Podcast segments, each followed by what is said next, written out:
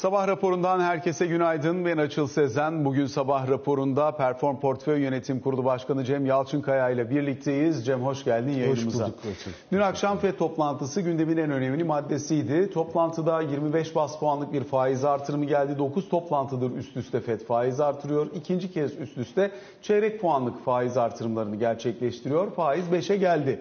Ancak tabii ki bankacılık krizinin olduğu bir ortamda faiz artırımları ne kadar devam edebilir? Sinyaller ve mesajlar ne kadar sert olabilir? Bununla ilgili tartışma çok fazlaydı. Durmayı düşündük dedi Jerome Powell ancak daha sonrasında bunun verebileceği sinyal etkisinin negatif olacağı varsayımıyla faiz artırımını gerçekleştirdiklerini söyledi. 2007'den bu yana en yüksek faiz düzeyine gelmiş oldu FED bu e, faiz artırımıyla birlikte. Fakat sonrasında verdiği mesajlar gerekirse makro ihtiyati önlemlere doğru evrilebilecek bir sıkılaşmanın kredi politikası üzerinde etkili olabileceğinden bahsediyor. Diğer taraftan yani sıkılaşmayı sağlayabilecek tek yol faiz artırımı olmayabilir diyor.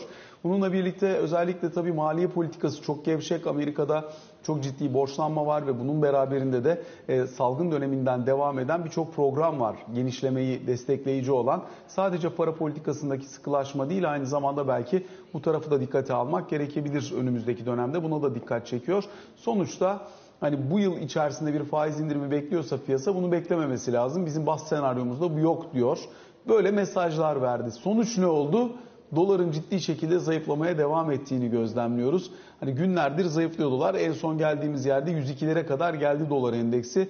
Euro dolar 1.09'un üzerine attı. Biz de bu arada Euro TL'de 20 lira 80 kuruşlara kadar gelmiş olduk. Öncelikle karar beklediğin gibi mi? İlk soru bu olsun. Sonrasında da söylemler beklentilerinde uyumlu mu? Ee, çok güzel özetledin yine her zaman gibi sağ ol Açıl. Şimdi şöyle karar aslında piyasanın genelinin beklediği gibi ben de 0.25'lik artış bekliyordum açıkçası. Çünkü herkesin beklentisi de haline gelmişti. Fakat tabii bir ara Goldman'ın çıkışıyla birlikte işte pas geçer, faiz artışı yapmaz Fed söylemleri ortaya çıktı. Hatta akabinde bir gün sonra Nomura'nın 25 bas puanlık indirimden bahsettiğini gördük.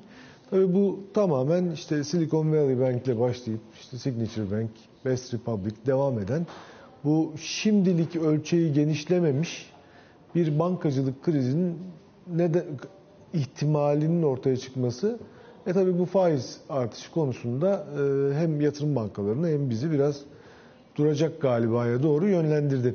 Aslında tabii şöyle de bir gerçek var ki önemli olan politika faizini artırmak değil. Piyasa faizinin bunu takip etmesi. Yani ilk Fed'in faiz artırım sürecine başladığı dönemde piyasa faizleri takip etmiyordu. Arada önemli bir e, açık fark vardı. Şimdi baktığımızda e tabi bu tam bankacılık krizi öncesi 2 yıllıkların 5'lere gelmesi, 10 yıllıkların 4'lere gelmesi, 6 aylıkların 5.3'lere kadar gelmesi e tabi bize e, bizi düşündürtüyor ve aynı zamanda tabi ben ilk defa çok herkesin çok takdir ettiği, tabii ki benim de çok takdir ettiğim Fed'in iletişim politikasında ilk defa biraz duraksama görüyorum. Onu da Temsilciler Meclisi, Senato'da e, Powell'ın açıklamalarıyla başladığını düşünüyorum.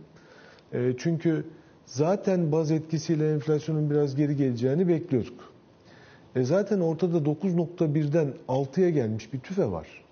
Tamam bundan sonrası zorlanacak iş gücü piyasası iyi vesaire data seti tabii ki Fed'de Buradan gazel okumak çok e, daha kolay biliyorum ama yani ortada zaten artmış piyasa faizleri, artan piyasa faizleri sonrasında da işte gayrimenkul piyasasında görüyorsun mortgage. Şimdi Amerikalı gidip 30 yıllık mortgage'ı %7,5-8'den almaz. E, gayrimenkul piyasası duruyor. E, zaten yavaşlama ekonomide sinyallerini vermeye başlamış. Emtia fiyatları geri geliyor. Sen böyle bir ortamda tabii şey de açıklamak lazım belki açıl izin verirsen onu da söyleyeyim. Şimdi bankaların portföylerinde buklarında diyelim aslında iki tane tahvil portföyü var ayrı. Bir tanesi satışa müsait diyebileceğimiz her an satılabilir tahvilleri içerir. Bir tanesi de vadeye kadar bekle. Şimdi bu satışa müsait olanlar piyasa fiyatıyla değerlenir. Vadeye kadar bekle de iç verim oranıyla değerleyebilirsin. Yani orada piyasa fiyatındaki dalgalanma etki etmez. Fakat birinci kısımda yani satışa hazır portföyde piyasa e, faizlerindeki dalgalanmalar inanılmaz bir volatilite yaratır. Şimdi zaten bu e, Silicon Valley Bank ile başlayan hikaye de biraz bu. Yani benim satışa hazır portföyümde faizler hızlıca yukarı gittiğinde ben orada piyasa fiyatıyla değerlemek zorunda olduğum için önemli bir zarar yazdım. E bu zararı nereden çıkaracağım? Sermayedarlara koştum. Aman gelin sermaye artıralım dedim. Sermayedarlar gelip sermaye artırmak yerine bir de üstelik hisselerde önemli bir satışa neden oldu.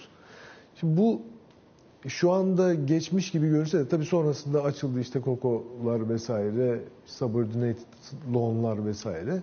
Tabii bunlar e, sıkıntının ne kadar yaygınlaşacağını gösteren bir bankanın çıkarmış olduğu tahvilin aslında arkasında bir şey olmadığı, yani bilanço dışı olduğu ve aslında bunu alanlara çok büyük zararlar verebileceği Bir güvence de çıktı. sağlamadığını gösteriyor. Güvence de sağlamıyor.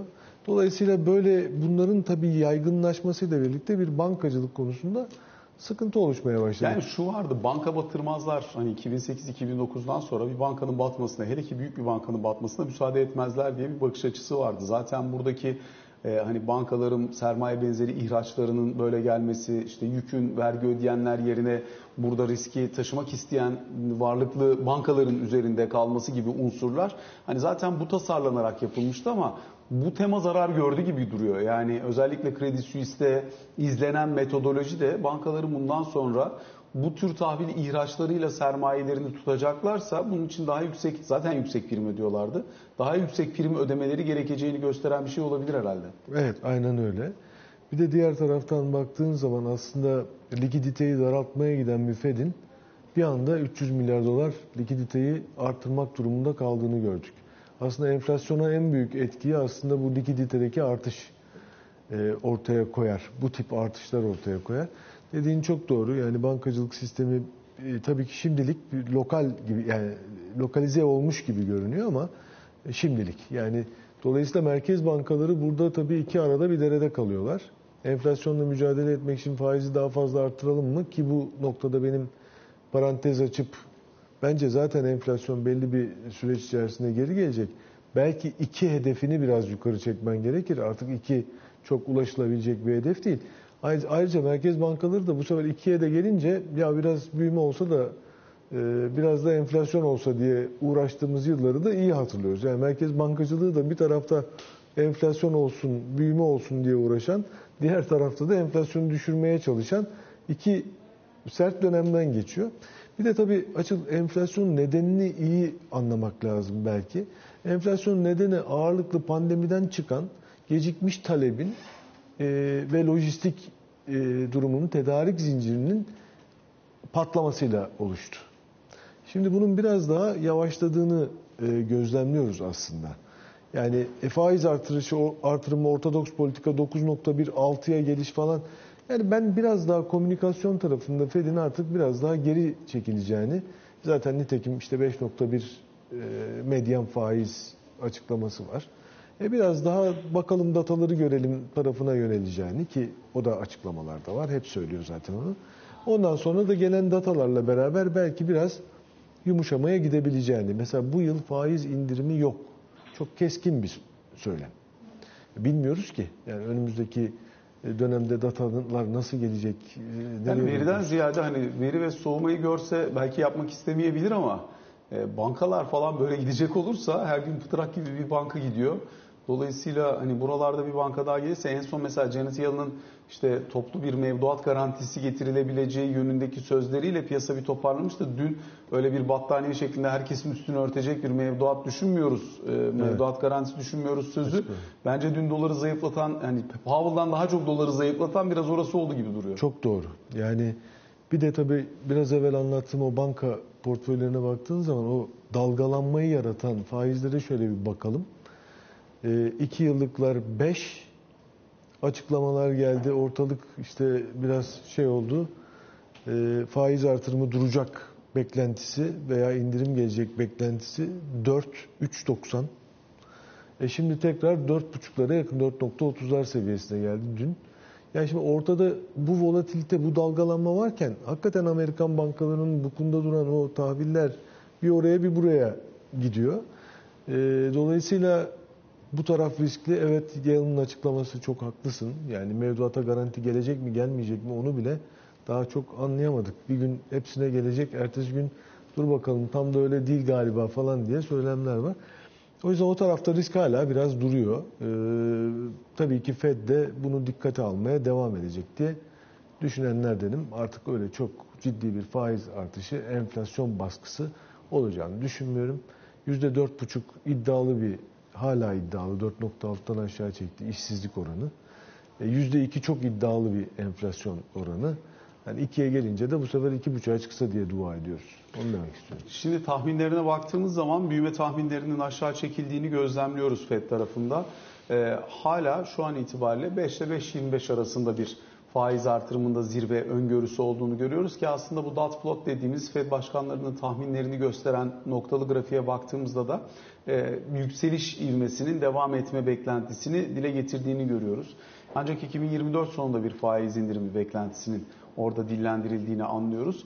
E, fakat uzun vadede yani terminal rate dediğimiz uzun vadede erişilecek olan oranın nerede gerçekleşeceği konusu hala belirgin değil. Yani %2 enflasyon hedefiyle nispeten daha uyumlu ama 2,5'lar civarında bir 2025 yılı hani enflasyonda öngörülebilir ufuk orası olduğu için daha çok orayı tahmin etmeye çalışıyorlar. Dolayısıyla oluşabilecek e, hani dip seviyenin de 2,5'lar civarında bir politika faizine işaret ettiğini görüyoruz. Dolayısıyla aslında Fed'in bakışı ve piyasanın fiyatlaması arasında bir boşluk oluştu.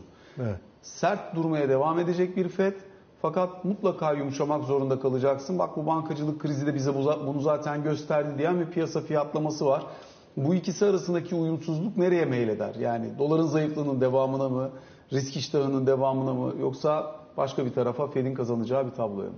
Şimdi tabii hani Fed'in faiz artış ısrarı aslında çok fazla yok veya yani tamam enflasyonla mücadele birinci öncelik hakikaten de olması gereken tüm kesimleri etkileyen çok önemli bir şey ama faiz arttıracağım diye aslında bir şey yok. Ortaya koyduğu tablo piyasaya aslında bir iz vermeye çalışıyor. Yani ben bu faizleri aşağı indirmeyeceğim. Hiç heveslenmeyin. Hisse senedi piyasalarında öyle bir yukarı yönlü veya riskli varlıklarda yukarı yönlü bir atağa girişmeyin. Çünkü ben bunu epey bir süre bu faizi burada tutacağım haberiniz olsun. Çünkü faizler arttığı zaman hepimiz biliyoruz ki riskli varlıklardan uzaklaşma başlıyor. İşte hisse senedinde niye dursun? 5-20 6 aylık tahvil faizi var Amerika'da. Veya e, adam harcamasa harcamasın gitsin 5-20 tahvil alsın gibi. Eğer piyasa faizini politika faizine benzer yerlerde tutmayı başarırsa ekonomi bence bu sefer hızlı soğuyacak. Dolayısıyla bu benim görüşüm ama tabii Fed'de data setine bakarak karar verecek. Ama bence ısrarlı bir şekilde politika faizini yukarıda tutamayacak. Ve piyasanın aslında öngördüğü, sen tutarım diyorsun ama bunun çok önemli yan riskleri var. İşte bak bankacılık tarafındaki riskler. Dolayısıyla söylem de değiştirdin artık kredi piyasalarındaki daralma da faiz artırma etkisi yaratır demeye falan başladın. Bence artık bizce artık bunun yan etkilerini de göz ardı edemezsin.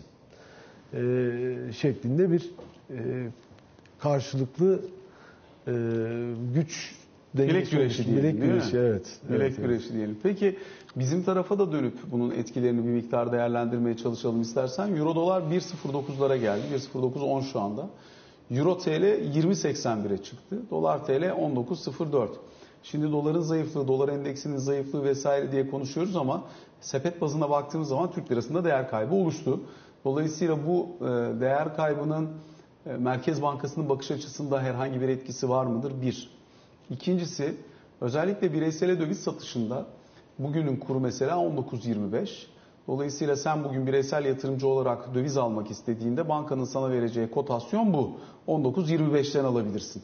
E, fakat Euro TL'de yok mesela. E, dolayısıyla döviz tercihi açısından bakıldığında bireysel yatırımcı eğer döviz tarafında bir tercih kullanacaksa e, bu nasıl olur? Nasıl olmalı?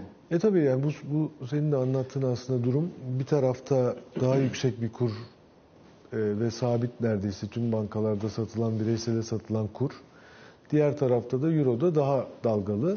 E, Euro tercihini artırabilir.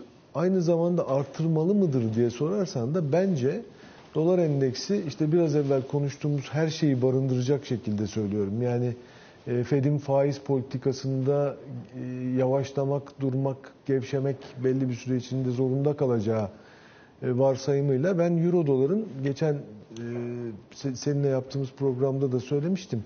1.06 ile 1.16 arasında dalgalanmasını bekliyorum.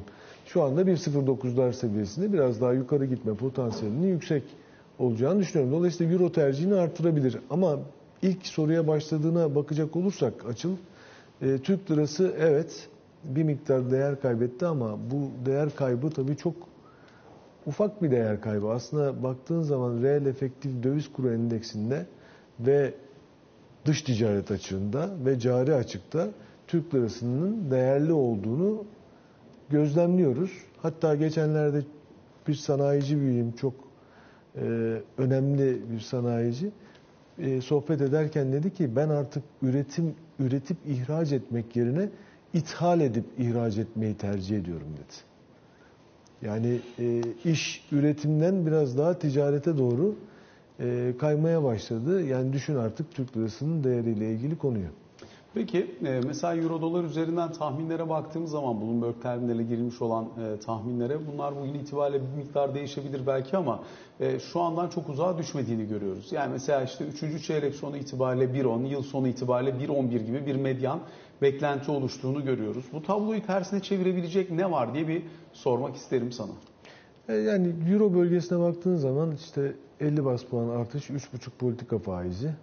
Diğer tarafta baktığın zaman Amerika'da 5.1'e gelmiş ve orada şimdilik e, duran ve bir kargaşayla e, daha düşmesi beklenebilecek bir e, e, faiz. Birinci kısım o. İkinci baktığın zaman tabii İsviçre bankalarıyla şu anda daha ve- veya Credit Suisse direkt örnek vermek gerekirse Credit Suisse de daha lokal kalmış. Diğer Avrupa bankalarına e, henüz bir yayılma olmamış. Olması da çok beklenmeyen bir bankacılık sistemi şimdilik. Ama diğer tarafta Amerika'da e, orta ölçekli banka, küçük de değil yani 16. bankasıydı Silicon Valley Bank Amerika'nın aktif büyüklüğünde.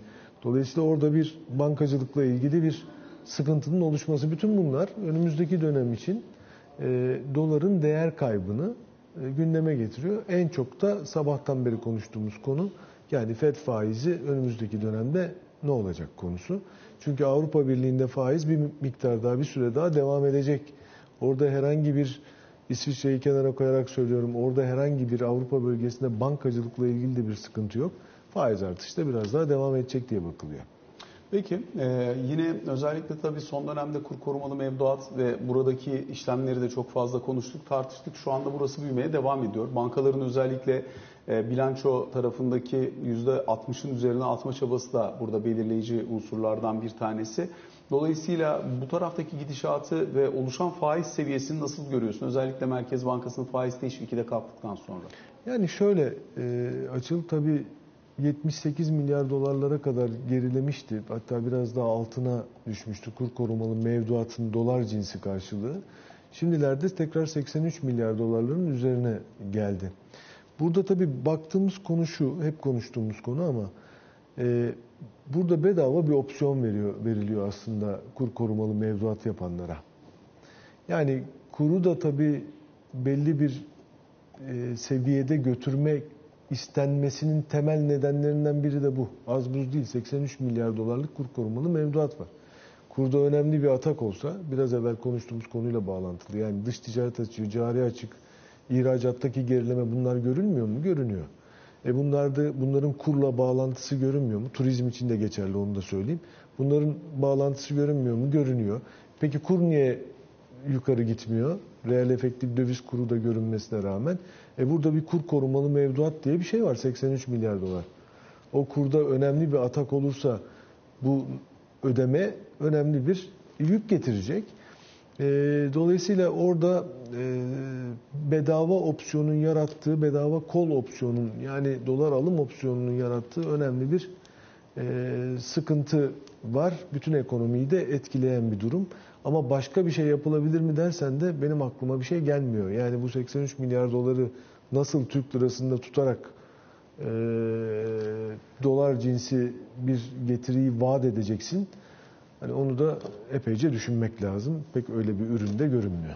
Mevduat tarafını nasıl görüyorsun? Mevduat faizlerini nasıl buluyorsun? Mevduat faizleri daha önce konuştuk işte 27-28'ler düzeyinde. E tabi kredi ve mevduat arasında önemli bir fark var. Bu en son ihtiyaç, İhtiyaç kredilerinde de gündeme geldi.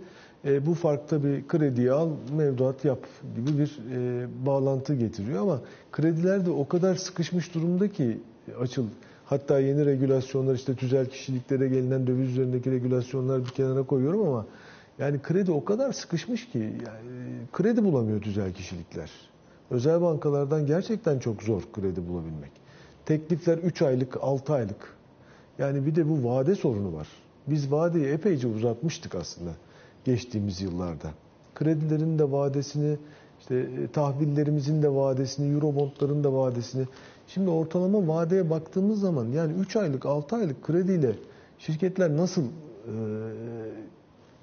faaliyetlerini sürdürebilirler? Çünkü bizim ülkemizde ne yazık ki olmasa çok iyi olur ama öz kaynak, yabancı kaynak rasyosu oldukça düşük. Yani %30-35'lerde Öz kaynak. Evet, öz kaynak. Yabancı kaynak çok yüksek. E, kredisiz dönemeyen bir yapı var. E, kredi teklifleri 3 aya 6 aya inerse çalışma sermayesi, işletme sermayesi nasıl dönecek? Yani bir tek reskont işte Merkez Bankası ihracatçıysan vesaire. Bir de şu var sonuçta tabii sistem artık öyle bir noktaya geldi ki özellikle COBİ'ler açısından ucuz fonlamaya ulaşamadığı anda hayatta kalamayacak kadar ucuz fonlamaya bağımlı hale geldi Kesin. şirketler. Dolayısıyla belki bu taraf için bir düşünmek gerekebilir. Yani bu illa konvansiyonel para politikasına geç geçme tartışması için değil. Şirketlerin işletme sermayesine kredi bağımlılığının bu kadar yüksek hale gelmesinden dolayı da e, bir sistemik riske doğru gidilir mi diye hani bugün olmayabilir ama orta uzun vadede eğer bu sistem bu şekliyle devam ettirilecekse onun analizinin belki iyi yapılması gerekebilir. Ne dersin? Kesinlikle, kesinlikle. Hem KOBİ hem ihracatçı reskont kredisine bağımlı halde e, faaliyetlerini sürdürebiliyor. Tabii bu reskont kredileri oldukça uygun. Bunlarla dönmeye hazır herhangi bir faiz artışı söz konusu olursa ondan sonrasında bayağı bir e, sıkıntılı dönem olabilir. Öz kaynak yabancı kaynak rasyosunu unutmamak lazım. Reel sektörün dövize erişimiyle ilgili e, tabloyu Tabii. nasıl değerlendirirsin diye de sormak isterim. E, buralarda birçok düzenleme oldu. İşte döviz alımları belli noktada zaten kontrol altında. Şimdi sosyal medyada da bir sürü şey var. Siyaseten de burası artık tartışılmaya başlandı vesaire. E, bu arada bu haberlerin bize teyidinin olmadığını söyleyebiliriz. Yani son birkaç gün içerisinde e, döviz alımına ilişkin ekstra bir düzenleme Merkez Bankası tarafından gelmediğini, e, bununla ilgili herhangi bir talimat ya da sözlü uyarı, doğrudan bir uyarı bulunmadığını e, biz Merkez Bankası tarafından alıyoruz. Ancak tabii sosyal medya çok fazla dönüyor, bankacıların kendi içlerindeki tartışmaları çok fazla yürüyor. Yani sonuç itibariyle şu anda e, burada dövize erişimle ilgili e, belli başlı çekinceler var ve o çekinceler var oldukça kimi doğru kimi yanlış bu tür şayialar da devam edecek gibi görünüyor. Özellikle bu bacak için ne söyleyebilirsin? Ee, yani çünkü parça parça almak zorunda kalanlar var dövizini. Ee, normal şartlar altında bilançosunda döviz tutma yükümlülüğü ve zorunluluğu olan teminat mektubu vermiş dışarıya. Onu yapmış, bunu yapmış mesela. Fakat döviz de alması gerekiyor işini çevirebilmek için. Oralarda yaşanan sıkıntılar olduğunu anlıyoruz, dinliyoruz e, birebir iş dünyası temsilcilerinden de. Buralarda nasıl bir optimizasyon yapılabilir diye sormak isterim sana. Yani şöyle açıl tabii evet yani ben de e, sosyal medyada görüyorum, açıklamaları duyuyorum. Bazen e, arkadaşlarla konuşuyoruz. Sosyal medyada biraz daha gitmiş durumda ama ortada şöyle bir tablo var. Döviz talebini iyice azaltıp döviz arzını da kontrollü bir biçimde sağlamaya yönelik bir döviz politikası var. Yani dolayısıyla talebi iyice kıs, artık yani e, mecbursan al. Bunu da yurt dışına doğal olarak bence yurt dışına göndermenin de tabii önünde e, biraz zorluklar olsun. Çünkü içerideki döviz e, belli bir rakamda. O dövize benim ihtiyacım var içeride. Dolayısıyla sen bunu yurt dışına gönderirken biraz daha dikkatli gönder. İçeride e, aman bu bizim için çok değerli, bu daha fazla talep etme. Arzı da ben kontrollü olarak işte ihracat dövizleri üzerinden ben sağlamaya çalışayım gibi bir yapı olduğunu düşünüyorum sistemde. Onun için tabii ki talebi azaltacak, arzı arttıracak bazı önlemler e, gelir, gelebilir, regülasyonlar gelebilir. E, ama genel yapıya e, yukarıdan böyle bakıldığını e, düşünenlerdenim. aslında sistemik risk dedik, KOBİ tarafında dedik. Belki faizlerdeki artışla ucuz likiditeye alışmış KOBİ'ler dedik. Diğer bir sistemik risk de tabii bankaların menkul kıymet tesisleri, tesis e, regülasyonları. Yani burada da bir sistemik risk var. Belki sen onu da hani ona da değinecektin belki ama tabii bu ilk başta anlattığın e, satışa hazırla e, vade sonuna kadar bekle portföyleri arasında biraz hafızamızı 2002'ye döndürecek olursak aslında aynı sistemik riskle karşılaşmış bir 2001 krizi gündemdeydi. Bankaların batmasına neden olmuştu. Sonra düzenleme yani kim seçilirse seçilsin bence seçim sonrasında bu iki portföyü ayarlaması lazım. Çünkü bankalarda satışa hazır portföylerde bir faiz dalgalanması burada da önemli bir risk olur. Peki son olarak e, kamu bankalarında hisse senedi piyasasından e, bir parça çok hızlıca bahsederek bitirelim. Bir toparlama var, toparlama çabası var. Dün özellikle seansın sonuna doğru biraz daha hızlandı bu. Fakat kamu bankaları ile alakalı olarak bir sermayelendirme, yeni bir tur daha sermayelendirme geldi. Tabii ki deprem etkisi vesaire buralarda kamu bankalarına çok işte düşüyor. Dolayısıyla sermayelendirmeyi anlıyoruz. E, halka açık olan iki tane kamu bankası var ve buralardaki halka açıklık oranı bu sermaye artırımları ile birlikte tahsisli gerçekleştiği için Türkiye Varlık Fonu'na sermaye artırımları giderek düşüyor. Dolayısıyla bu tablo için ne söylersin diye merak ediyorum. Yani e, bence artırılması gerekirken halka açıklık oranı düşmesi e, bunun da nedenlerini biliyoruz aslında tabii Borsa İstanbul'un endeks Borsa İstanbul endekslerinin çok fazla düşmemesi e, aslında isteniyor. Bunun için önlemler alındı biliyorsun deprem sonrasında. E işte bu önlemlerden bir tanesi de açıkçası Varlık Fonu ile ilgili önlemdi. Varlık Fonu'nun da gerekli e, gerekli hallerde müdahalesini görüyoruz. Bu da açıkçası halka açıklık oranını daraltıyor, azaltıyor. Eğer zaman içerisinde inşallah ileride bir fırsat olursa tekrar bu hisselerin piyasaya gelerek halka açıklık oranını arttırmaları lazım. Yoksa zaten borsa e, özelliğini e, birazcık kaybeder. Cem çok teşekkür ediyoruz ben sana. Teşekkür ederim. Aktardığın bu değerlendirmeler için kısa bir araya gideceğiz. Sonrasında Ali Can Türkoğlu ile birlikte karşınızda olacağız.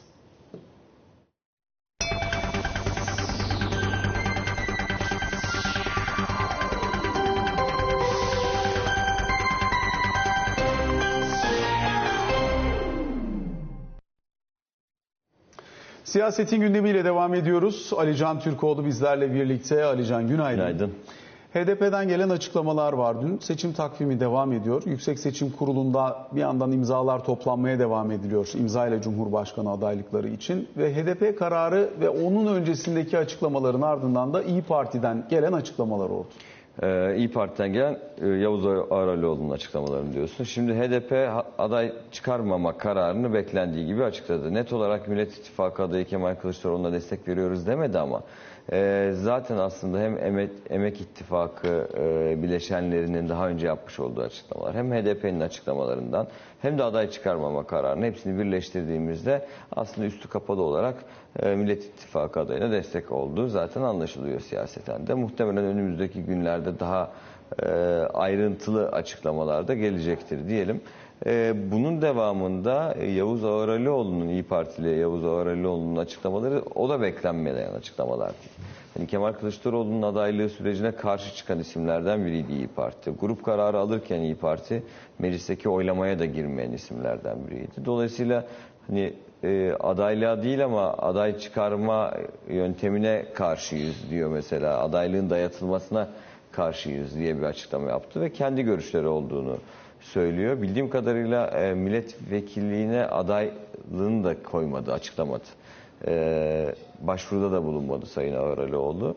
E, dolayısıyla bu süreçte sanki İyi Parti içerisinde kalıp İyi Parti'nin kararlarına muhalefet eden bir profil sergileyecekmiş gibi gözüküyor.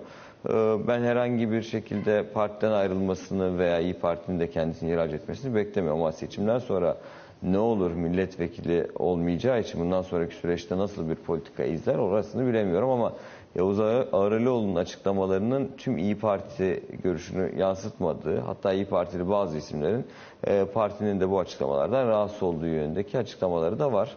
Dolayısıyla seçim dönemi boyunca bir tartışma devam edecekmiş gibi gözüküyor bu noktada.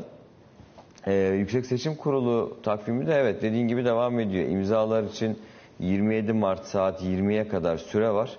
Ee, 100 bin imza toplanması için. Dün itibariyle, ilk gün itibariyle Muharrem İnce 28.235 imza toplamış. Ee, Fatih Erbakan'ın 27.910 imzası var. Ee, en fazla imza alanları sayacağım. Herkes saymayacağım. Sinan Oğan'ın e, 15.573, e, Doğu Perinçek'in ise 6.679 imza topladığını görüyoruz. Şimdi bu 11 ismin kaç tanesi 100 bin imzayı toplayacak? E, toplayamayanlar nasıl bir politika izleyecek? Toplasa bile kendilerine yeterli görmeyenler acaba e, farklı bir yöntem izleyecek mi gibi durumlar var şu an itibariyle. Ama zaten önümüzdeki günler boyunca biz bunları konuşacağız. Şimdi 24 Mart yani yarın ittifak protokollerinin son teslimi. Bu ara onları da konuşacağız gibi gözüküyor. Bir de bugün dün akşam Cumhurbaşkanı Erdoğan'ın yapmış olduğu açıklamalar var. Yani en düşük emekli maaşının 5500 liradan 7500 liraya çıkarılacak olmasını açıkladı. Artı kabinedeki bakanların ve Fuat Oktay'ın da e, milletvekili adayı olacak olacağını da resmen açıklamış durumda. Üç dönem kuralının da AK Parti içerisinde istişare edildiğini bazı isimler için yani öyle söylemedi ama bazı isimler için bu üç dönem kuralının e, uygulanmayacağını, bazı isimlerin istisna tutulacağını da bugünden söyleyebilirim. Alican teşekkür ediyoruz. Sabah raporuna böylelikle son noktayı koymuş oluyoruz.